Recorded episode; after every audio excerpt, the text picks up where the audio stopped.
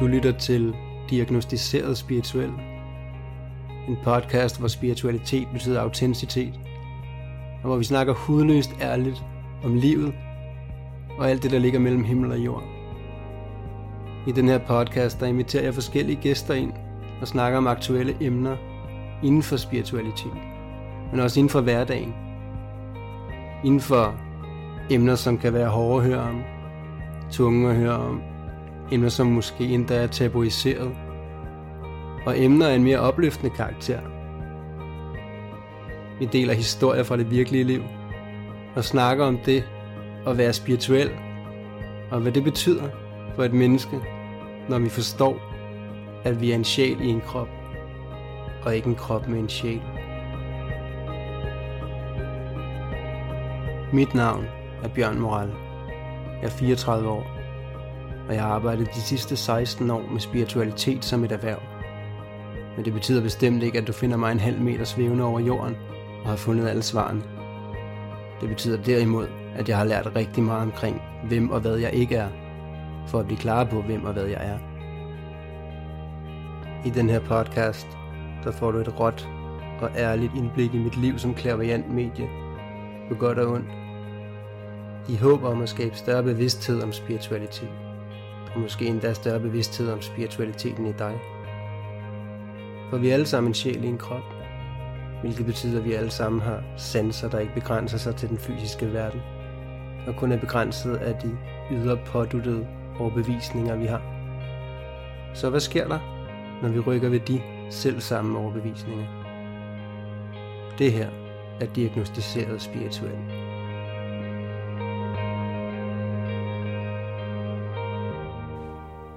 Jeg har besøg af Iben Vistrup i dag. Øhm, og Iben, vi to, vi går et stykke tilbage, og nu skal jeg nok introducere dig her lidt mere lige om lidt, men, men vi to, vi kunne sidde og snakke om rigtig mange ting i dag. Øh, men i dag, der skal vi snakke lidt om det her med at, at være forældre og opdragelsen, ja. øhm, og hvordan man kan eventuelt gribe det an. Øh, det kommer vi meget mere tilbage til, men jeg vil rigtig gerne sige tak, fordi du, du er her og vil være med. Det er, det er jeg meget glad for. Men øh, velkommen, Iben. Tak for det. Ja. Ja, og grunden til, at vi skal tale om, øh, om opdragelse og så videre, det er jo noget af det, vi har talt om i nogle af alle de her år, vi har kendt hinanden. Ja. Hvor du har fulgt mig i min, øh, i min øh, opdragelsesform, og hvordan den har taget form med årene. Mm. Øhm, og det er derfor, du har spurgt mig om at komme ind i dag. Det er nemlig rigtigt. Og det er også fordi, at jeg har utrolig meget respekt for, for den måde, du griber det an på. Øhm, og det skal vi snakke meget mere ind i. Men du har jo to vidunderlige børn, ved jeg. Teenager og snart voksne mennesker. Du selv, du er 47 i dag. Ja. Og jeg har en pige på 16 og en dreng på 18. Ja. Og det er også derfor, vi i dag kan sidde og sige, øhm, lykkedes det med det her eksperiment, ja. kan man kalde det, og det har det gjort, i hvert fald i mit tilfælde.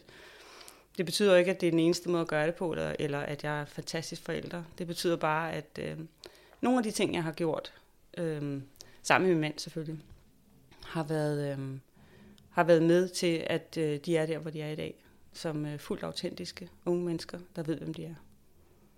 Og det må jeg også sige, at, øh, at du har fået, I har fået skabt nogle virkelig vidunderlige unge mennesker, som kan stå på egne ben øh, og kan mærke ind i sig selv, om hvor de vil hen og guide sig selv i livet. Øh, og det er jo netop fordi, at de er blevet mødt, forstået og rummet, så, så vidt som de er fra jer. Og det er jo nok det, som du beskriver som det her eksperiment. Ja, jeg tror, vi som øh, forældre, at vi vil jo altid vores børns bedste. Vi ønsker jo, at de skal vokse op i en lykkeboble, og de skal blive øh, succesfulde og øh, glade og have venner og altid altså undgå alle de ting, vi selv har været igennem. Men øh, der kom et tidspunkt, hvor det gik op for mig, at øh, vi jo alle sammen er her øh, på vores egen rejse. Og det har du været med til at få øjnene op for, for mig. Øh, vi er her for at, at, øh, at skulle igennem de ting, som vi skal igennem, og mange af de ting, vi, at vi går igennem som, som mennesker, er jo det, der skaber dem, vi er. Og mange af os øh, som voksne er jo så nødt til at gå ind og finde os selv. Øh, og hvor kunne det være fantastisk, hvis man som ung menneske allerede der havde en god forståelse af det. Så jeg tror, at øh, da det gik op for mig, at, at de jo også har deres ting, de skal igennem, så på en eller anden måde kunne jeg øh, distancere mig, øh, ikke sådan, så jeg ikke var der, men distancere mig i, øh, i følelserne, med en forståelse af, at jeg ikke skulle, at de ikke skulle høre efter, hvad jeg sagde, fordi at jeg var deres mor og vidste bedre. Fordi øh, jeg ved ikke bedre. Øhm, det vigtigste vil være, at de lærer at mærke ind i sig selv, fordi man ved det altid bedst selv. Vi kan alle sammen huske tilbage, også da vi var teenager, selv når vi lavede rigtig møg i den, mm. så vidste vi jo godt, at vi lavede møg i den. Vi behøvede ikke en mor eller en far eller en lærer eller en statsminister til, til at udskamme os. Nej, eller til at fortælle os, hvad vi, hvad vi har gjort forkert, eller, eller hvad, uh, det kan du ikke, og det er farligt, fordi jeg har prøvet det, så du skal ikke prøve det, fordi jeg kan give dig min erfaring. Og så, det, det, det er jo faktisk meget typisk for forældre. Jeg arbejder jo også meget med, med familiekonstellationer og øh, i det hele taget familier. Og, og det her med, at, at meget forældre parenting, altså det sker ofte på autopilot. Øh, og det sker ud fra, at, at, at som forældre vil man også gerne føle sig trygge i, hvor og hvad sine børn laver. Så vi, kan, vi, man kommer nogle gange til at, at guide sine børn lidt i, hvad der er trygt for os. Hvad for Meget, nogle og det, og det jo, kommer jo kun fra et sted af kærlighed, ja, øh, fra stort set alle forældre, og, og, en, og et ønske om, at øh, de skal komme på rette vej, at de skal øh, klare sig godt.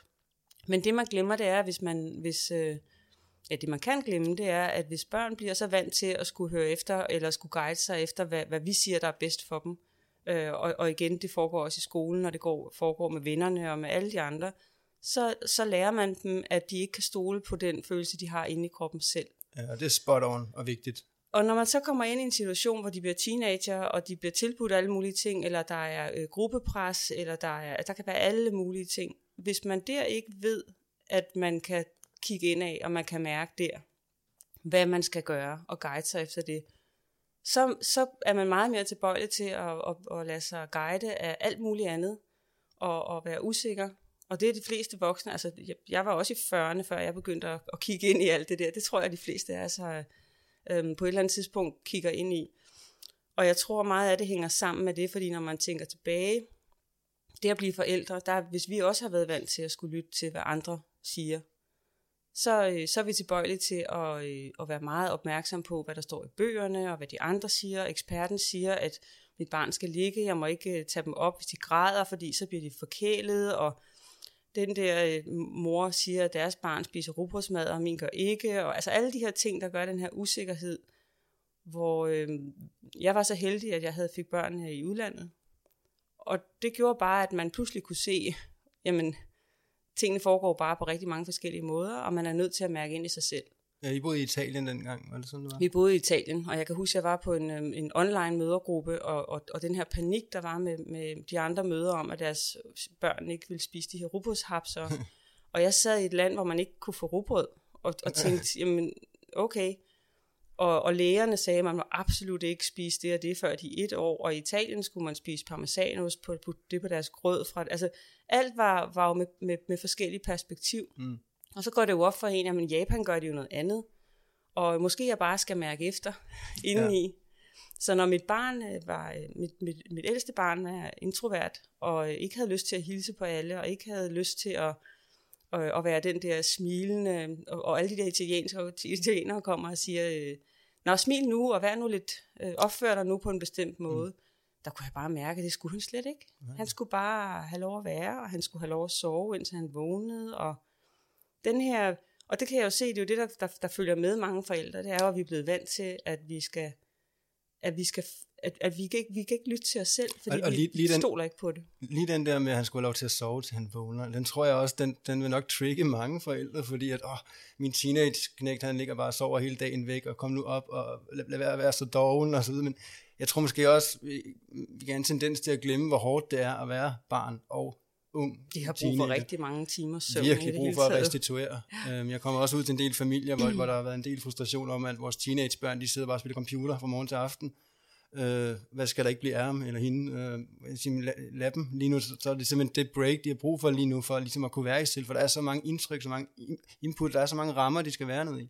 Og jeg synes, det er interessant at kigge på den generelle menneskelige psykologi omkring det her med rammer og restriktioner, for nu mere vi bliver kontrolleret, eller forsøgt kontrolleret, nu mere har vi også et behov for at, at break out, altså simpelthen bryde de rammer, og, og, Og det kommer lidt tilbage til det, du snakkede om, det her med, at, at vores unge mennesker skal ud og prøve nogle forskellige ting, også euforiserende ting. Alkohol, stoffer og sådan nogle ting er også noget, det vi møder i det er en del af vores samfund. Men nu mere vi gør dem forkert, det er nu mere vi sætter regler op og rammer og restriktioner om, hvad man må og hvad man ikke må, endnu mere vil de ty til at bryde ud af de her ting og prøve at mærke de her ting. Ja, og hvis de for det første gør det, fordi de bliver, øh, føler sig presset af society, øh, eller de gør det, fordi de skal øh, pisse mig af. Ja. fordi at de, altså det vil jeg synes var så ærgerligt, hvis der var ting, de gjorde, som de gjorde kun fordi, at de havde fået at vide, at de ikke måtte det, og fordi, at det ved jeg, at mine forældre bliver øh, hammerende sure over. Mm. Altså jeg vil langt hellere have, at de skal gøre det, fordi det er noget, de selv har været draget mod og er interesseret i. Og det sagde jeg faktisk ret tidligt til dem, at det var deres egen krop, og det er deres egen øh, valg om ting.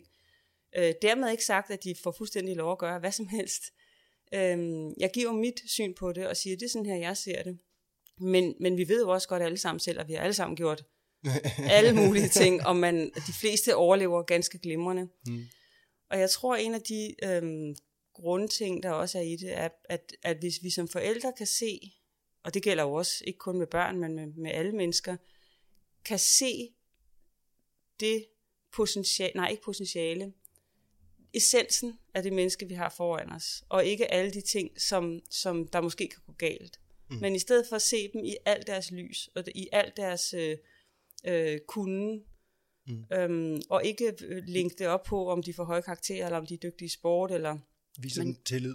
Simpelthen se, og, og, og se dem som de fantastiske mennesker, de er. Så er det jo det, de spejler.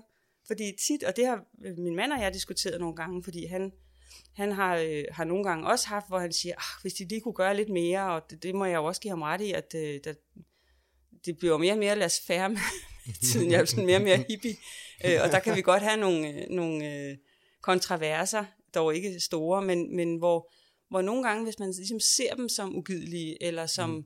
Øh, øh, Positionerer dem for at være det. Så, så er det ja. det, de spejler. Ja. Og, øh, og det gælder jo os alle sammen.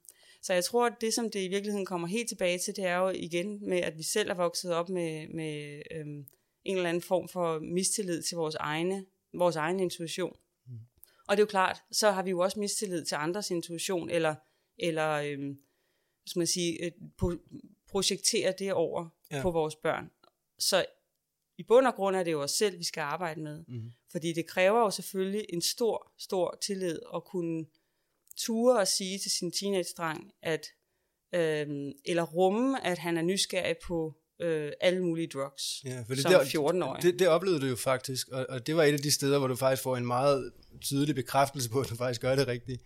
For, ja. altså, alene det, at han tør at komme til dig og sige, mor, jeg er interesseret for, for, for de her øh, euforiserende ting, øh, at han åbner op og kommer til dig med det, og føler sig tryg i det, er jo en kæmpe kado, om han føler sig rummet og mødt. Ja, fordi at øhm, de fleste, og også mig selv, før jeg ligesom fik den her forståelse af det, øhm, vil selvfølgelig tænke, oh no, yeah. og hvad nu?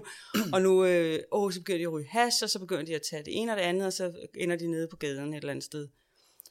Øhm, men jeg tror virkelig, at jo mere, at man lytter og forklarer, altså det jeg eneste, jeg sagde til ham, det var jo helt autentisk, og det er jo vigtigt, at man er som forældre, at jeg vil ønske, at du venter til du er over 18. Fordi så, så er du lidt mere øh, moden, og du er lidt mere klog på, hvad det er. Øhm, men, men det er din krop, og det er dit liv. Og, og du, det hold, du, hold, du holder den for, hos dig selv, jo du siger, jeg ville ønske, at du ja. valgte at ja. vente til du var efter. Det er ikke noget, man siger, du skal. Og det er fordi, ønske, jeg siger, ja. at selvfølgelig er jeg, øh, vil jeg være bekymret, mm. fordi jeg er mor. og sådan ja, er, er det. Men jeg ved også, at, øh, at øh, du er klog nok til selv at træffe dine beslutninger. Og det der jo skete, og som der er sket på så mange andre ting, det er jo, at han øh, øh, studerede, han er, altså det, man kan jo ikke sige, jeg kan jo ikke på garanti sige, at det virker for alle. Det, er jo, det virker for ham, fordi mm. han er en, der så går ind og researcher en hel masse, og undersøger, og så var det ligesom nok. Ja, det mættede ham. Det mættede ham, både det, at han fik undersøgt tingene, og han fik, fik øh, lov, mm. uden at få lov, ja, men, men fik lov til at kigge i det og blive rummet i det. Og nu er han jo 18, og har overhovedet ikke interesseret i at tage noget som helst. Øh, og heller ikke gjort been, det. Been that, done that, ja. nærmest uden at have gjort det. Ja. ja.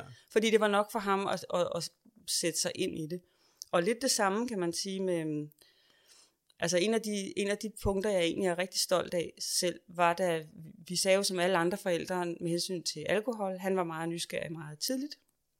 Og vi sagde, du skal vente til du bliver konfirmeret, for ligesom at have en, noget, man kunne presse hen til. Og så synes vi, at du skal, at du skal prøve første gang hjemme hos mor og far. Ikke? Ja. Fordi det synes man kunne være dejligt trygt. Ja. Men jeg ved som jo forældre. også godt, ja, ja, præcis, og jeg ved jo også godt, at som teenager er det måske ikke det, der er det allerfedeste. Nej. Men han havde egentlig sagt, fint nok, og han havde ikke gjort noget. Og så var han med en, med en god ven på, øh, på stranden om sommeren, og, øh, og en, der, der skete jo så det, at, at moren måtte ringe til os. Vi havde så sat vores telefoner på fly, fordi det gør man jo nogle gange. Mm. om natten, så hun havde ringet og lagt en fin besked, at ja, jeres søn er en lille smule fuld, og han er meget kærlig, og, øh, og det var, det var vennen, der havde ringet til moren der, og de var blevet hentet, og ja, stort drama. Og da vi så hentede ham dagen efter, eller jeg hentede ham, så sagde han, øh, så sagde han til mig, du skal vide, øh, jeg er rigtig, rigtig ked af, at jeg har skuffet jer, eller jeg har øh, brugt jeres tillid, men det var den bedste aften af mit liv, og der var ikke nogen, der pressede mig. Det var noget, jeg selv valgte. Altså, jeg sad wow. bare og tænkte, yes. Ja, fordi en selvstændig ung Jeg kan jo godt forstå, du står på stranden, ikke også? Der er bål, der er venner, der er en sød pige. Og sådan, altså, mm. selvfølgelig er det ikke der, du tænker, jeg må hellere lige vente til, til at gøre det hjemme hos mor og far. Det, er jo fuldt, det, det kan jeg jo godt forstå. Og han sagde, jeg tager hvilken som straf, I, I vil give mig, hvis I vil give mig nogen.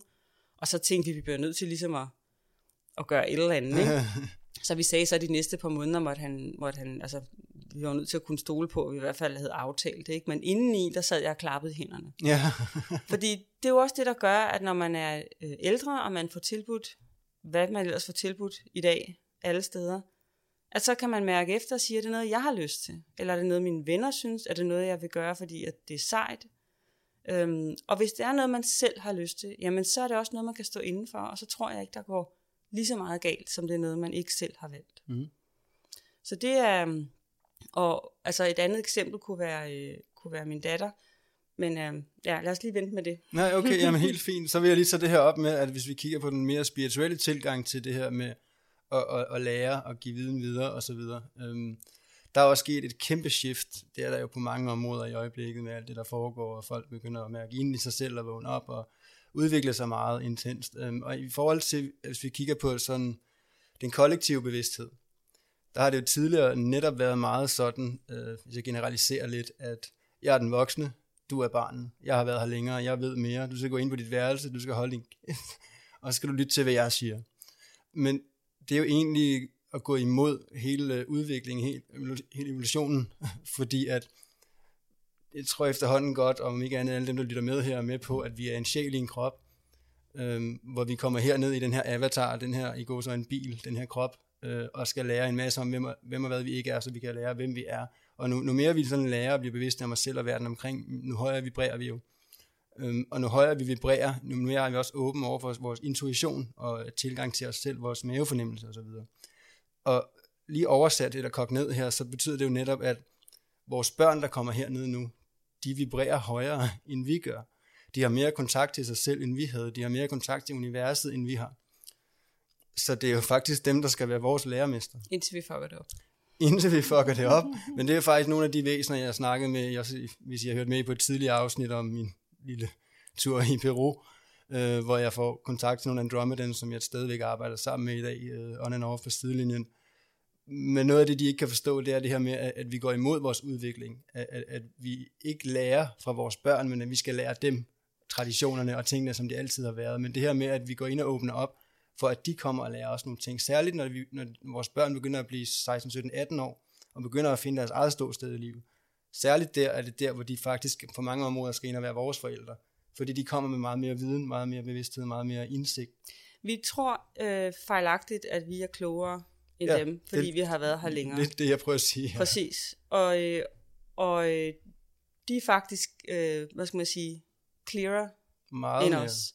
Og man kan sige, at alt det, vi øh, tumler rundt hernede og får, øh, og får øh, øh, hvad skal man sige, jeg har det lidt bedre på engelsk med det, men expanded mm. øh, med universet. Man kan sige, den vibration, som vi så hele tiden skaber, som vi måske ikke selv øh, rammer, men som vi øh, kreerer i, mm. igennem alt det, vi gør, det er den vibration, som de kommer ned med. Ja. Og det vil sige, de er, som du siger, øh, Lige til. langt femmer, mm. øh, længere Nej. fremme. Og hvis vi lader dem øhm, altså kan rumme dem, de er, nu, min søn og min datter er to i hver sin ende af spektret. Øh, min datter er, øh, har 200 nærmeste venner, og, og øh, masse følgere på Instagram, og øh, er helt normal i indførselstegn med hensyn til at, at, at tage del i, i øh, vores society, som det er i dag. Og min søn er helt modsat, øh, helst øh, alene eller med nogle få gode venner, har ikke lyst til at have en smartphone eller være en del af, af øh, den her verden, og vil hellere bo ude i, i skoven i Norge. Og, altså det er virkelig på hver sin ende af type. Men de begge to øh, er 100% autentiske. Mm. Og, og, øh, og den her rummelighed, jeg tror, der er den her, jeg havde sådan en øh, øh, skrøbelighed, jeg havde ikke lyst til at gå ind og pille, hvis du forstår, hvad jeg mener. Jeg, mm. jeg, jeg havde haft en meget, meget, jo, jo ældre jeg bliver, vil jeg have haft sværere og sværere ved at sige nej.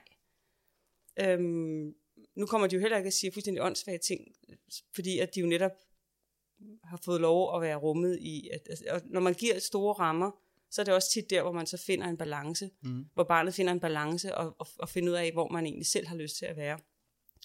Men, men når Få de lov kommer, at mærke sig selv. Ja, og, og ikke nødvendigvis prøve at sprænge rammerne, fordi der er nogle rammer. Øh, der er rammer, men, men det er, øh, hvad skal man sige, jeg har haft svære og svære ved at sige nej til ting, fordi at det er noget, hvad jeg kan mærke, det er noget, som de har besluttet for deres krop og for deres liv så kan jeg sige, jeg synes, det er en rigtig dårlig idé. Ja. Fordi at det der bliver du, hvad ved jeg, så kommer jeg med alle mine, øh, du bliver super fed af at sidde og spise det der hele tiden. Mm. det nu er. Men, men øhm, jeg har bare haft den her øh, skrøbelighed over for at gå ind og pille ved, hvem det er. Og det er jo det, jeg kan mærke nu, der ligesom har givet plads til, at de har kunnet udvikle sig i de vilde forskellige retninger, som de mm. nu har gjort. Øhm, men vi snakkede den anden dag, min mand og jeg, om, om, øh, om min datter, som er øh, i dag som 16-årig fuldstændig ligesom hun var, da hun var lille. Mm-hmm. Og når hun er sammen med sin kæreste eller sine venner, så er hun fuldstændig den samme, som når hun er hjemme øh, i sofaen. Hun tør at være autentisk, tør at være sig selv. Fantastisk. Fuldstændig. Ja. Og det er jo noget af det, man er lidt nysgerrig, når den første kæreste kommer, sådan, og hvor meget finke er man så, og så videre. Fordi det, altså, åh, jeg kender det da selv, jeg har da gjort det i mange år. Øhm, men selv da hun var lille, har vi tænkt, øh, hun er, når man lige kommer ind på forkert tidspunkt om morgenen, så er hun godt nok øh, stakkels hendes øh, fremtidige mand, når han kommer ind med mm, roser, mm, og så får han bare lidt fur, fordi hun bliver pisse sur. Det er fuldstændig det samme nu. Mm. Altså, der er ikke noget, der har ændret sig, andet end hun er måske fjollegriner lidt mindre, men, men ja. det hører jo med til at blive voksen. Ja. Men, øh, men det, det er sådan meget øh, typisk, og egentlig for dem begge to, at det har, at det har fulgt med. Mm. Fantastisk. Så man kan sige, da vi startede med at snakke om det, der var jeg meget mere involveret i, altså meget mere um, energetisk øh, filtret ind. Og det vil sige, at man mærker sine børns smerte på en helt anden måde. Ja, for det vil jeg nemlig også nævne, for du, du nævnte det selv, du brugte bare nogle andre ord, og det er jo også det, vi arbejder med. Du er lige kommet tilbage på Sensit efter syv års overlov, og ja. det er super fedt. Men, men der arbejder vi jo også øh, netop med det her, med øh, empati og sympati. Ja. Og det er uanset, om vi skal opdrage vores børn, eller vi skal være der for vores venner, eller vi skal, vi skal ud og guide andre, eller have klienter. Det er med eller, alt. Det er nemlig med alt. Og, og, og bare lige for at kridte den op, øh, vi lærer jo netop, at vi skal ind og have, have empati for andre mennesker, og jeg har også jeg har en masse gennem tiden også stadigvæk sygeplejersker på Senset, øh, som gerne vil have den spirituelle del med. Og de lærer jo netop, at, at de skal have deres empati med. Men, men der er for, stor forskel på empati og sympati. Øh, også i forhold til, hvordan vi kan hjælpe andre og hjælpe os selv. Så hvis vi tager et billede med, at et, et, en lille pige er blevet mobbet i skolen og kommer, kommer hjem til mor og er helt ødelagt, fordi mobning er hårdt, øh, og, og mor laver den her naturlige tilgang, hvor vi siger, så går vi i empati og føler alt det, hvad du føler. Og det er meget smukt, men det er også ikke, det er ikke særlig opløftende, fordi at hun går, mor går ind og dublerer barnets følelser. Det så, du sagde og, til mig dengang, det var, at, du, at jeg spejlede ham, ja. og han spejlede mig. Og så kunne vi jo sidde og græde i, i dagevis. Ja, lige præcis. I dublerer følelserne, så, så ja. hvis sin mor kommer ned til hende, og så sidder begge to og keder af det, det hjælper ikke nogen, men det er meget smukt.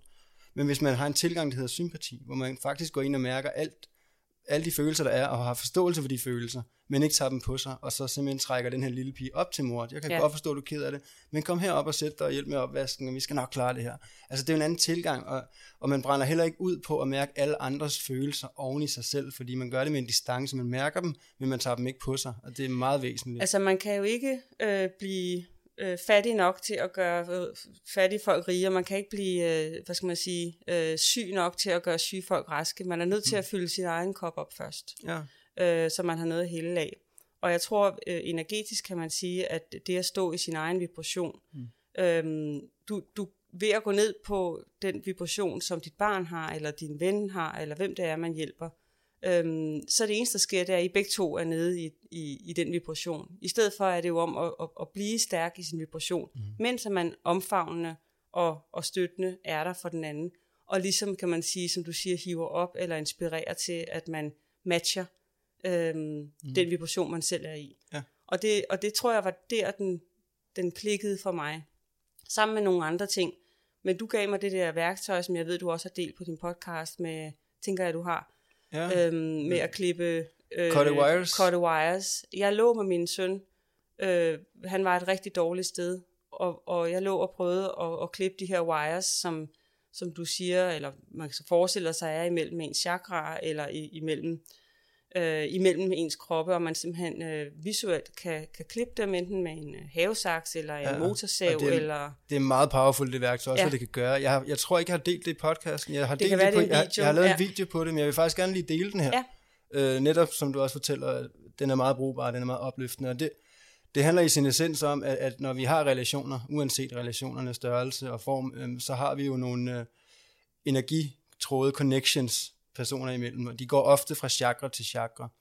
Øh, men de kan også gå andre steder fra, fra knæene eller skuldrene eller hvad det er. Men, men nu mere man sådan er tæt til hinanden, nu, nu mere deler man også energi med hinanden. Og, og det er så der, hvor man kan gå ind og cut de her wires. Og det kan man gøre med henblik på at komme længere væk fra en person, eller komme tættere på en person. Og værktøjet er egentlig det samme. Det handler om intentionen. Universet forstår intention. Så hvis vi tager en person, som man gerne vil tættere på, for eksempel sin, vores børn, øhm, så, er det, så er værktøjet i sin simpelhed går ud på, at man, man visualiserer forestiller sig, at man står foran sit barn. Eventuelt ser det udefra. Og så bruger sin fantasi eller accepterer, hvad man ser, at der er de her tråde imellem, når man står der og kigger på hinanden. Og de her tråde kan være stålvejer eller lavet af træ, eller de kan have alle mulige former og farver og mønstre og størrelser. Og... Men det betyder, at man deler energier med hinanden. Og det betyder også, at man, man kan gå ind og blive lidt mere uautentisk, fordi man tager så meget af den anden på sig. Og det kan være svært at mærke sig selv. Så det man nemlig gør, som du fortæller her også, det er, at, at nedefra og op, så cutter man de her wires. Og det kan være med en hækkesaks, eller med en motorsav, eller nogle gange så fryser jeg dem til et nulpunkt og hugger dem over, eller brænder dem over, eller saver dem over, eller ved at ærke englen Michael om at komme med nogen med hans svær, og så bare hugge dem over. Men hver gang man cutter en wire, så kan man ligesom mærke den her forløsning. Okay, der kan jeg faktisk mærke mere af mig selv. Og det kan være rigtig svært for egoet og utrygheden at cutte tråde til en, som man gerne vil have tættere på, som for eksempel vores børn eller vores partner. Men det, der gør, det der sker, når man cutter den her hele vejen op, øh, det er, at, at så kan man mærke sig selv mere, og man kan mærke kærligheden til sig selv mere. Og Der det, får du den distance, jeg lige Præcis. siger over, hvor du står i dit eget, din egen energi, og dit barn er i sin energi, og I kan sagtens, jeg kan huske, at jeg lå og krammede ham, mens jeg gjorde det, Ja. og jeg græd, fordi det gjorde ondt, ja, men, men det, og jeg gjorde det igen og igen og igen, og det var, og det, det på en eller anden måde, så fik det mig over i mig selv, Mm, lige præcis. og jeg var i ham. Og der kan du mærke kærligheden til dig selv mere, og derved kan du mærke kærligheden til ham mere, og derved kommer I tættere på hinanden. Ja, det er vanvittigt præcis. effektivt og smukt værktøj. Og så var der lige den også med, at man bygger så en mur og ja, det spejl. ofte, så jeg plejer at bygge en, en mur imellem af diamant, og det er simpelthen fordi, at diamant er fysisk det hårdeste element, vi har. Øh, det stærkeste, vi har. Men det er også det, den stærkeste energi, vi har. I, øh, krystallen, diamant, er en kærlighedskrystal. Det er også derfor, man bruger den til bryllupper blandt andet. Så, og kærlighed er den stærkeste energi, vi har i verden. Så både på et fysisk plan og på et ikke-fysisk plan, der er diamanten ligesom det stærkeste materiale, vi, vi har arbejdet med. Så jeg, jeg bygger en, en mur af diamant imellem, og så lægger jeg simpelthen spejle på begge sider. Så når man begynder ubevidst at projektere ud eller sende ud af energi, så ryger lige tilbage til en selv, så man holder den hos sig selv. Vanvittigt værktøj. Jeg synes, det var meget, meget brugbart i det her tilfælde, hvor, hvor jeg var så øh, optaget af at kunne... Ja, jeg, jeg var over i ham og følte smerten, og åh, var det forfærdeligt, og åh, var det hårdt, og, og, og hele den der, som du siger, lige, det var det ikke mobning, men det kunne være noget lignende, mm. øh, som er så svært, og så et, et stort, en stor ting for alle forældre, når det er, at de kommer hjem og ikke har nogen venner, ja. eller nogle af de her ting. Det er jo noget af det, der virkelig skal, skal arbejdes med. Og jeg skal så også lige sige, at det var ikke i den, i den aldersgruppe, hvor mine børn gik igennem det, var, var, var før jeg ligesom, det her ting gik op for mig. Så jeg havde ligesom været igennem nogle af de svære ting. Øhm, og det var faktisk først der, da han var 11 og hun var 9, at jeg ligesom, jeg fangede den på en eller anden måde. Jeg så pludselig udefra, jamen det her, det er jo, jeg, jeg er jo ikke her for, at, øh, at de er mine øh, disciple, der skal opdrages, nej, eller der skal på nej, den rette fordi, vej. Fordi vi ejer jo ikke vores børn. Nej, og, og øh, et andet eksempel er jo det her med uddannelse, hvor øh, øh, jeg har to kvikke børn, og det er jo ikke kun fordi, at jeg er deres mor, at jeg kan sige det. Altså, de, de, øh, de mangler ikke noget der.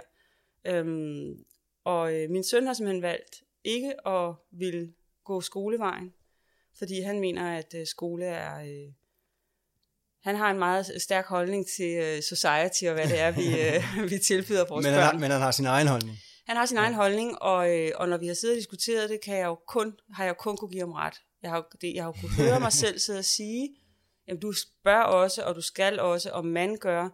Men når han så kommer ind og argumenterer for, hvorfor det er, at han ikke synes, at det, at det er værd at bruge hans tid på, så kan jeg kun give ham ret. Og det ja. har det været hele igennem, sko- hele igennem skoletiden, og han har jo bækket mig om, at vi skulle hjemmeskole ham. Mm. Øhm, hvor min datter har et helt andet indtryk. Hun synes, det er super fedt at have startet gymnasiet nu, og, og øh, mm, det er bare forskellige retninger. Og det, mm. jeg kan huske, der er venner, der har spurgt mig, ej, er det ikke skræmmende at have et, et barn, som gerne bare vil ud og, og, og bo i Norge skove, og, øh, og øh, leve af det mad, han selv laver og sådan noget. Og det kan jeg bare slet ikke se. Nej.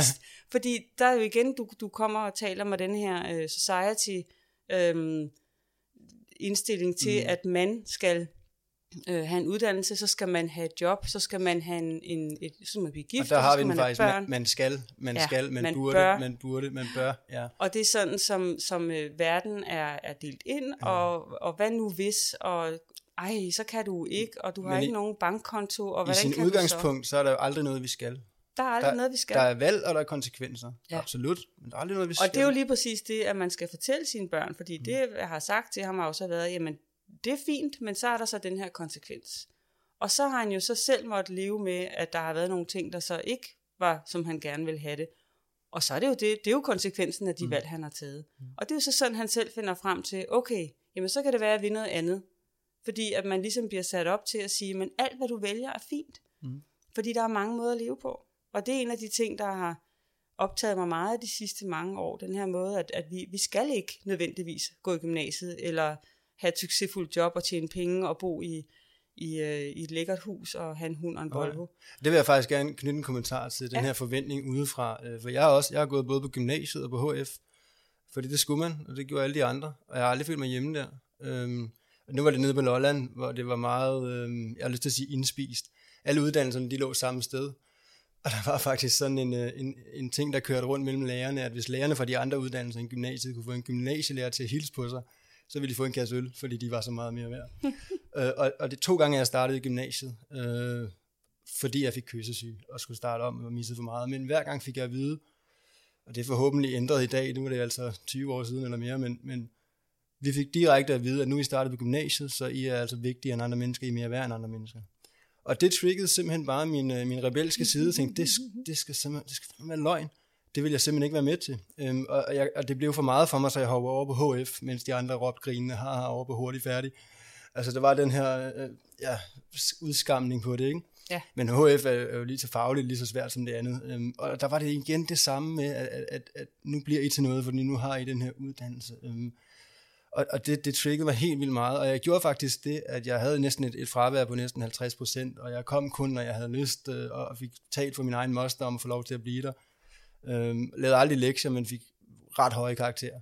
Og det endte også med, at, at vi skulle til at have ugen og have eksamenerne, der tog jeg en 7-8 eksamener ud af 10. Og jeg havde, øh, jeg kunne huske den sidste karakter, der trillede ind, det var en 10-tal for noget matematik, og jeg kunne ikke være mere ligeglad. Så jeg havde egentlig bestået, og jeg skulle egentlig møde op til de sidste par eksamener for at få ugen. Jeg kunne bare dumpet. Men jeg valgte at blive hjemme. Øh, og, se, og jeg, kan bare, jeg har været de der 17 år eller et eller andet. Og jeg kan huske, at jeg sad derhjemme, og så tændte jeg en joint, helt rebelsk, og sige, fuck ja. Yeah nu har jeg vist, at jeg kan det, men jeg vil også vise, at jeg ikke skal bruge det til noget.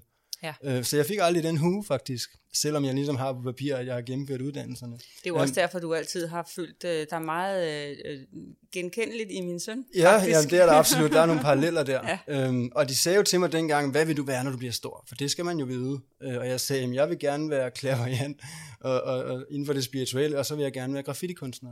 Og sådan lidt halvgrinende får jeg at vide, at, at det kan man altså ikke. Du kan ikke leve af at male graffiti. Og du kan, du kan, og det eller der, lave musik. Nej, eller, nej, eller kunstner, lige præcis. Eller... Og det der, nej, og, og klaverjant, det findes ikke, Bjørn.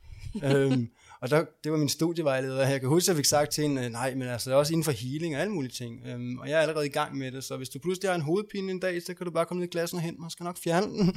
og hun blev vildt provokeret af det. Øh, og til sidst, så, de, altså de pæsede mig så meget, så til sidst, så far for at få fred, så sagde jeg, så, okay, så vil jeg gerne være art director og lave reklamefilmer. Det kunne de acceptere, det passede ind i rammerne. Men det har aldrig nogen intention om at blive. Og selvfølgelig i dag, der arbejder jeg både det, altså primært som spirituel lærer på Senset, men jeg har jo også min, øh, min større jobs for tid til anden inden for, for, for kunsten og graffitiens verden.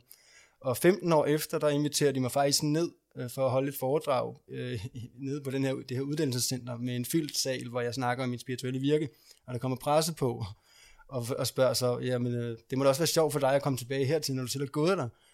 Og så kunne jeg ikke helt lade være med at sige, det er det også, og særligt fordi, at øh, de sagde, at det aldrig kunne lade sig gøre.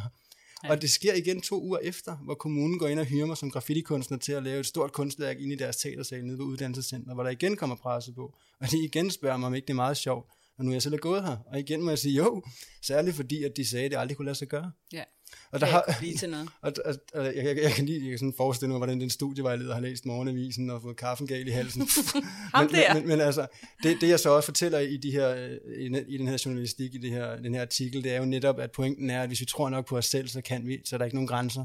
Og det er det her med at, at lade være med at putte hinanden og andre ned i kasserne, og de, inden for de her rammer, du skal være, fordi så begynder den her følelse af at føle sig forkert og ikke god nok og utilstrækkelig, så begynder virkelig at gro ja. derfra. Altså jeg kan sige, det har jo ikke været uden, øh, det har ikke været uden problemer at være så øh, øh, autentisk og øh, kompromilløs, som min søn er. Fordi det har måske også mere været fra ham selv, der har været det. Altså han har aldrig fået at vide som dig, at han ikke kunne blive til noget eller noget. Øh, tværtimod. Men, men der er hele den her, øh, altså der blev kigget noget. Øh, nå, har han valgt øh, erhvervsuddannelse? Nå, og, og alligevel så er det jo, uh, vi skal have så mange ind på erhvervsuddannelsen, men der bliver ikke, at det er noget mærkeligt noget. Mm. Men, men der har været meget øh, fra ham selv, øh, hvad skal man sige, polariteten af både at ville, at ville noget andet, men også have den her følelse af, ej, hvad nu hvis jeg ikke bliver til noget? Mm. Den kom fra ham selv. Øh, hvad nu hvis jeg ender med at sidde som 25-årig i min kælder? Øh, kom fra ham selv, kom ikke fra nogen andre. Og det er jo noget, han selv måtte, måtte, øh, måtte arbejde på. Det minder mig lige om det her med computerspil, du, du nævnte tidligere. Ja. Det er nemlig et stort dilemma. Og, øhm, og jeg kan sige, hvordan jeg havde løst det. Og igen, jeg tror også, at børn er forskellige. Og det vil sige, at der vil være nogen, som hvis man giver frit løb, der bare vil sidde øh, og spille. Mm. Men man skal også huske, øh, hvad er det, at øh, de får ud af det. Mm. Vi tror jo, at nødvendigvis en god barndom, det er ligesom vi havde det, hvor man er ude og lege i naturen, og man har et mm. trælegetøj i hånden, og det er da også helt vidunderligt. Og hvis man kunne få børn mere ude i naturen, ville det være dejligt. Men vi lever altså i en tid nu, der er helt anderledes end den, som vi havde. Og verden er anderledes, mm. og den måde, de interagerer med deres venner, er anderledes. Mm. Men jeg gav, jeg gav frit løb, fordi jeg tænkte, han bliver sgu træt af det. Ja, men lad, lad, lad os prøve at sige, at, at hvis man giver frit løb, og de ikke bliver træt af det, de simpelthen forsvinder helt ind i den computerverden der, og det begynder at blive sådan lidt, okay, det måske det var sådan her. Så det er jo ikke fordi, de har brug for at blive gjort forkert eller begrænset heller. De har brug for netop at få, at få vækket deres værdi og forstå, forstå ja, hvad, hvad de er værd simpelthen. Ja, og måske også få kigget ind i, ligesom vi gør med os selv, ja, er det en flugt? Ja, lige præcis. Hvad er det, de dulmer? Fordi ja. om det er en, en computerverden, eller om det er alkohol ja. eller arbejde, eller hvad det er, det er jo en dulme. Og Netflix, øhm, som vi alle sammen sidder og dulmer med. Og, og, det var lidt det, ja, og det var lidt det, jeg ville tilbage til, at det er svært at være barn i skolegården. Det er wow, og, og også at være ung, og de har også brug for at dulme, ligesom vi har som voksne. Øh, og, og, som sagt, om det er Netflix eller hvad det er. Øh, så det skal der også være plads til. Man skal selvfølgelig ja. finde balancen, og give dem lov til lige at, at lande og få et break. Men det skal selvfølgelig heller ikke blive manisk, så der ikke eksisterer andet end den og her. Og man skal ligesom vide det, både som voksen, øh, hvis man ligesom ved, hvorfor det er, man, øh, man benchmarker, øh, eller bench, bencher øh, ja. øh, Netflix, eller øh, chokolade, eller hvad det nu er, vi yes. gør. Altså, øh, det er noget af det, jeg prøver at fortælle min datter nu, når hun, hun sidder og ser serier, ligesom, ligesom jeg gør. Men hvis hun ligesom ved, at det... Jamen, altså, det, det er nøgleordet, det der i dem. Ja. Det, det er nøgle, hvis du, hvis du ved det. Jeg har nemlig også, jeg arbejder jo også med klienter, også med, med, med, med misbrug af, af forskellige slags. Så jeg, og det er det her med, at når vi går ind og dulmer, hvis vi ved det, så er det en anden energi. Hvis jeg tager ud og drikker en øl med nogle venner, og lige, nu har jeg haft meget ansvar for en masse elever og meget arbejde, det har været fantastisk, men nu skal jeg bare lige give slip. så gør jeg det bevidst, og jeg gør det for at hygge mig, og jeg, Det et valg, jeg, jeg, jeg, jeg tager et valg om at lige lægge det væk og få et break, og være lidt uansvarlig, eller bare være sådan lidt pff, ligeglad, Ja. eller et øjeblik for lige at Og lade det op. skal vi jo have lov til. Men hvis det er fordi følelserne fylder for meget, og jeg ikke kan være med, jeg begynder at dulme derfor, så Ja. begynder det, at- og så skrider det. Og det er det samme med at være, øh, det er det samme med at være, øh, øh, hvad skal man sige, antisocial. Der er så meget pres fra vores, øh, vores verden om, at man skal være social som barn. Ja. Og der er mange børn, der ikke nødvendigvis har behov for andre, og der ikke nødvendigvis har 200 venner, og, og de bliver ofte gjort forkerte, Ja. ja. øh, ud af bekymring og ud af, af kærlighed fra Mm. lærere, og der, der er ikke noget negativt i det, men der er ikke noget vejen med det.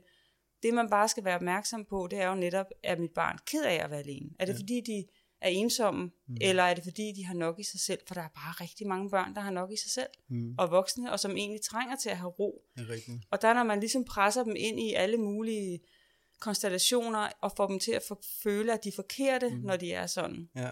Det er der, det begynder at gå galt, fordi så er det der, hvor man måske bliver presset ud i at være sammen med en masse venner, og så drikker man for meget alkohol, og så gør man alt muligt andet for at dulme den følelse af at føle, at man er forkert. Ja. Og der, Øhm. og der, vil, jeg- der vil jeg faktisk gerne, der er to ting, jeg gerne lige vil ind omkring her, inden vi, vi, vi runder af på det hele. Øh, Den ene, det er lige at afslutte det der med værktøjet omkring at cut wires. Det er bare fordi, man kan også bruge det samme værktøj, så længe man har intentionen om at komme længere væk fra hinanden. Hvis der er nogen, der ikke vil slippe hinanden, eller hvis man går fra hinanden i et parforhold, og man cutter wiresne, eller man ikke får cuttet de her wires, så mærker man ligesom to gange sorg, Både sin tidligere partner og sin egen oveni. Det kan være for meget, så hvis man går ind og cutter, så hjælper det også dem med at give slip. Men hvis man gerne vil tættere på nogen og bruger det her værktøj til at detache, så man mærker sig selv og kommer tættere på, så skal man nok også huske, at der er jo også mønstre, eller monstre, som vi kalder dem, hvor vi på autopilot, går ind og bygger dem op igen. Øh, så det her værktøj er noget, man skal bruge fra tid til anden. Øh, Ja. Gerne en gang om ugen, lige gå ind og cut og lige mærke sig selv. Øh, det vil være det optimale, det vil jeg bare lige runde af. De gror til, nogle gange øh, sammen igen, hvis man Ja, det gør de, sig, nem, det gør de nemlig lige ja, nok, og det er det ja. der med mønstrene, og man er vant, ja lige præcis, Ja. så den vil jeg bare lige runde af. Men i, i øh, sådan lidt i, i forbindelse med det, du fortalte her, øh, med, med vores børn, og, og det, det er den der spirituelle tilgang, jeg gerne vil ind i, fordi at, at hvor, som jeg har nævnt tidligere, vores børn, de vibrerer højere, og det betyder, at de er mere intuitive, de er mere sanselige, de er mere empatiske osv. Og, og med det, der, betyder, der vil jeg også godt lige lægge vægt på, at, at, at børn, for børn gælder det ligesom gælder for os alle sammen, at vores overbevisning udgør vores virkelighed. Så når vi er overbevist om, at det er sådan, det er, så er det sådan, det er. Eller vi er overbevist om, at det er det, vi kan, så er det det, vi kan. Og vi er overbevist om, at vi ikke kan, det kan vi ikke. Så gælder det for os alle sammen. Og vi er jo alle sammen sjæl i en krop, vi er alle sammen spirituelle mennesker. Øh, men det, der sker, eller sket for rigtig mange, er, at de får adopteret en overbevisning om, at det her, de sanser og mærker omkring sig, det er ikke noget, der eksisterer, så bliver det deres virkelighed, og så var det nok vinden, der lukkede døren. Og det kan også godt være, at det var vinden, men, men det her med, at der ikke bliver, det bliver ikke rummet og mødt, at de, er, at de er her med sanserne i front. Og de her børn, der kommer til verden nu, og er kommet til verden nu, de vibrerer simpelthen så højt, så de mærker netop alt omkring sig. Andres følelser, andres energi afdøde, der er der alle mulige ting. Så det her med at rumme dem i det, også selvom man måske som voksen ikke forstår, hvad det er, de mærker. Men hvad med at sige, det er bare din fantasi, det er noget, du bilder dig ind, eller simpelthen, simpelthen validere dem. Det handler om, nøgleordet er at validere vores børn i det, de oplever og mærker, uanset om det er følelsesmæssigt, eller fysisk, eller sanseligt, eller hvad det er. Det er rigtig, rigtig vigtigt, så de ikke lukker ned. Jeg tror, essensen er, at, de, øh, at man skal forsøge som forældre ikke at give sine børn følelse af, at de er forkerte. Præcis. Og det kan gives på, på den mest velmenende måde. Øhm, men hvis, når man går og er bekymret for, at øh, de har ikke nok venner, eller de spiller for meget, eller de spiser for usundt, øh, altså den bekymring, så det er jo ikke så meget, at man ikke må sige, at de ikke Nej, spiser, nej. altså spiser Nej, nej. sundt og, og så videre. Men den bekymring, man har i sig ved det, jeg tror, det handler om, om tillid til, mm. at alt er, som det skal være. Og man kan jo godt Og se, de er, som de skal være, og de skal igennem det, fordi vi har alle sammen spist junk food, når ja, Ja, vi var i teenager. Ja, ja. Vi har alle sammen øh, forsøgt at måske, at, oh, skal vi ryge en cigaret? Eller, der, vi har alle sammen prøvet nogle af de her ting, og de fleste af os er kommet ud på den anden side. Øh, og, og i forbindelse med altså, små, små børn, øh, der, der man, uh, du må endelig ikke tage dem op i sengen, fordi så bliver de forkælet. Der er sgu ikke nogen 14-årige, der ligger i deres forældres seng. Nej. Det her med lige at tage, det ved jeg ikke, et step mm, tilbage, Ja, og få tillid til, at, at tingene går, som de går, og, og de skal nok komme ud på den anden side. Så har man ikke den bekymring. Mm. Og når man har, ikke har den bekymring, så kommer man ikke til at projektere, at der er noget galt med dig. Mm. Fordi det er jo det, når de vok- vokser op og føler, at der er noget galt med dem, så får de alle mulige diagnoser og mm. alle mulige ja, ting, præcis. som... Og det, det var lidt det, også Der er til. aldrig noget galt med børnene. Altså, der, der, børnene er, som de er. Ja. Og det er jo det med at rumme dem i deres øh, fuldkommenhed, og, og tro på, og at de er lov. fuldkommende. Ja, Altså, fordi børn er jo også fantastiske til at være i nuet. Nuet er det eneste, vi har. ja. Men, Men- det hiver man jo væk fra dem med, Det med alle væk vores velmenende råd Øhm, og, og vejledninger. Men jeg tror, alle måske kan genkende til at kunne huske det her med at være barn og være til en familiefødsel eller et eller andet, og være ude og lege og bare være fuldstændig i det, og der var bare ikke andet. Det var wow, fantastisk. At kunne være i nuet på den måde, det er også en af de ting, vi kan lære fra vores børn. Ja. Altså øh, stop op, træk vejret og lige vær med det, du har omkring dig, i stedet for din Ja. fortid og bekymring, eller hvad kommer der i din fremtid, og bare være her lige nu. Ja. Der, er de, der brillerer de simpelthen, de her børn. Men, men jeg tror nå- igen, ja, nøgleordet er at validere dem Ja. hele vejen rundt, og bare give Ja. dem plads. Og selvfølgelig støtte og, tryk, og guide og rumme dem. Ja, fordi det er jo ikke om bare at lade, at lade stå til. Det er jo Nej. noget om, at man er der, og at man, man fortæller sin, sin retning og sin mening. Øhm, og jeg er jo så så heldig, at mine børn nu lytter til min mening. Måske fordi jeg ikke prøver at proppe den ned over dem. Ja, og det gælder jo for vores børn, ligesom det gælder med alle andre i, i vores liv, at, at man kan jo netop godt sætte grænser, sige fra, guide og rum og så det og så videre, ud fra et kærligt sted, og hvor man holder den hos sig selv. Netop som du siger, jamen, jeg synes, eller jeg føler, at jeg har lært erfaret sådan og sådan og sådan og sådan, but you do you. Altså, Præcis. You do you. Og det er faktisk det, jeg vil komme tilbage med med min datter, at, øh, at da hun ligesom forstod det, jeg fik forklaret hende, at grunden til, at jeg egentlig gerne vil vide, hvor du er henne, og egentlig meget gerne vil beholde øh, Find My iPhone på dig, lige så længe du har lyst til at, at lade mig gøre det, det er bare fordi, jeg bliver bekymret. Fordi jeg er mor, og fordi at jeg tænker pludselig, gud, hvor er du, og hvad der sker der, og så videre. Det er ikke fordi, jeg ikke stoler på, at du Nej. gør og, tingene. med, og, og med kærlighed, ubetinget kærlighed, som vi har til vores børn, med, med ubetinget kærlighed kommer også frygt, polaritet. Selvfølgelig gør der det. Selvfølgelig gør der Men det, så hvis er man er autentisk i at forklare det til sine børn, det er Ja, der, den kommer fra, og det er fordi, jeg er mor, så siger hun jo, "Men det kan jeg da godt forstå, det er fint, du kan bare følge mig. Og det, Øhm, det der med at være, ja, og det der med at være autentisk, det er jo også der, hvor de også rummer den anden vej. Det, det er nemlig også ret, ret vigtigt. Uh, ja. Det er nemlig en anden ting, der er vigtig som, som forældre, tror jeg, øh, at vi, de få gange, hvor jeg ligesom har prøvet at sige, nej, der er ikke noget i vejen, de kan jo mærke det med det Jeg skal samme. lige til at sige det. Altså børn, der vibrerer så højt, det gør alle børn nu. De kan Øh, mærke. De kan mærke, når du lyver.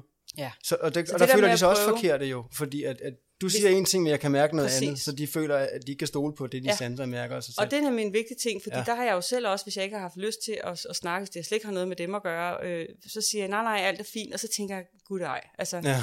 Eller man kan gå ind og sige, prøv at høre, jeg er virkelig dårlig humør lige nu. Det er ikke dig, men kan du ikke lige fisse af, fordi at jeg lige nu er meget alt, nemmere at rumme og få sådan en besked, end at, at Ja. du bare affejer.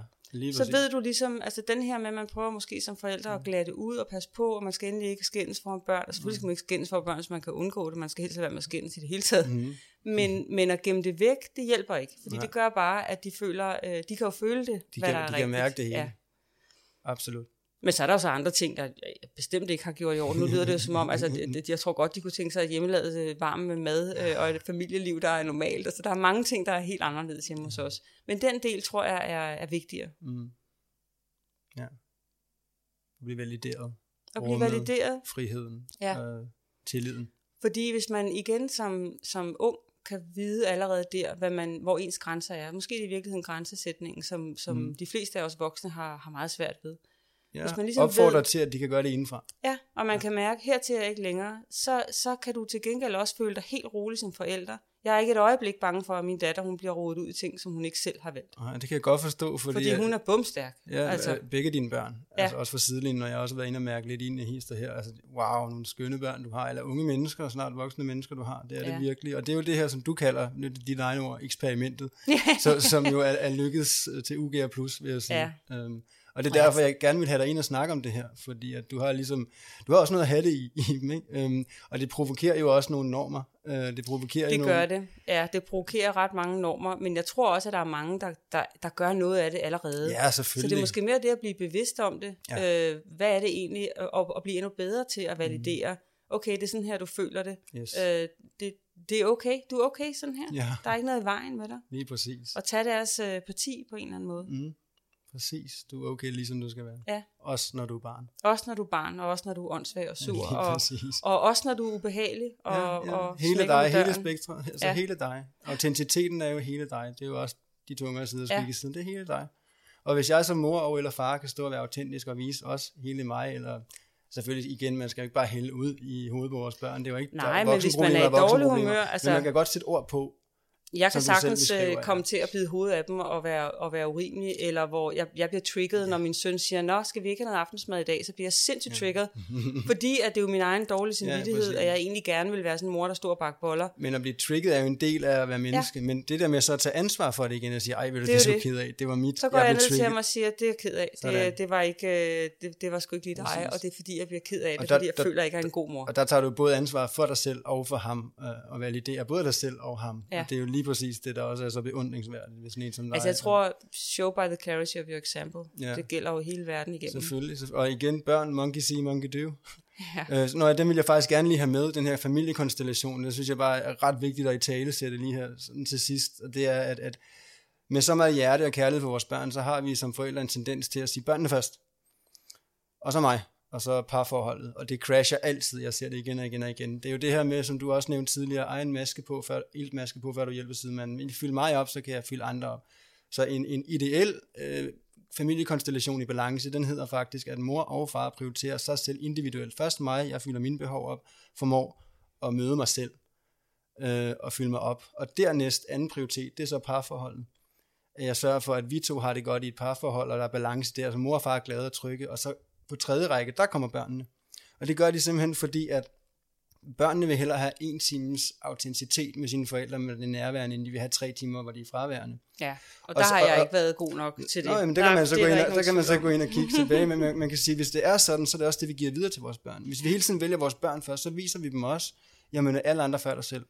Og så giver vi det mønster videre. Så hvis vi kan formå at prioritere os selv, og så vores parforhold, og så børnene, så har vi en familiekonstellation, konstellation, der ligesom er i balance. Eller viser, hvad man, hvad man skal finde sig i. Øhm, man kunne forestille sig dårlige ægteskaber, hvor man, øh, hvor man øh, bliver for børnenes skyld, eller ja. nogle af de her ting. Og det er aldrig for børnenes skyld, Nej. fordi det man i virkeligheden lærer sine børn, det er jo, at man skal overskride sine egne grænser, gå på kompromis ja. mm. for, øh, for andres skyld. Ja, lige præcis. Og, og det kan jo tages med i mange forskellige, øh, mange forskellige konstellationer. Mm, lige præcis, og den er så spot on. Det ja. var vigtigt at få med her. Ja. Så det, det vil jeg lige tage med. Men ellers så synes jeg faktisk, at vi har været ret meget omkring. Men jeg synes, det har været fantastisk, og alle her tiden er også bare fløjet afsted. Øh, men det var en, som jeg vidste, det var en fornøjelse at have dig her. Vi kan snakke timer. Vi kunne blive ved, og vi har kunne snakke i alle mulige emner. Det kan også sagtens være, at vi kommer til at gøre det senere hen. Men, men, men tusind tak, fordi du kom ind. Selv tak, det var en fornøjelse. Det har det virkelig været. Virkelig opløftende, for det tror jeg også, det er for en, øh, for en, for en lytter. Det vil jeg håbe. Det kan jeg forestille mig ikke. Jeg kan ikke forestille mig andet. Øh, jeg sidder i hvert fald her helt opløftet i energien, og det er jo altid, når jeg Nu skal du have nogle børn. nu skal jeg have nogle børn, for ja, det kræver lige, uh, det kan jeg ikke gøre alene. Lige andre ting. Jeg kan ikke gøre det alene. Trods alt trods alt, men det, lad, lad os se, om det, det ikke ligger i fremtiden. Det kan jo godt være. Ja, men tusind tak. Selv tak. Selv tak. Øhm, vi runder af. Det og tak, vi. tak fordi du lyttede med her. Det er altid en fornøjelse, at der er så mange, der vil stille op om det. Så tusind tak. Tak for dig. Håber du har kunne bruge det. Og at det har kunne inspirere dig lidt. Mm?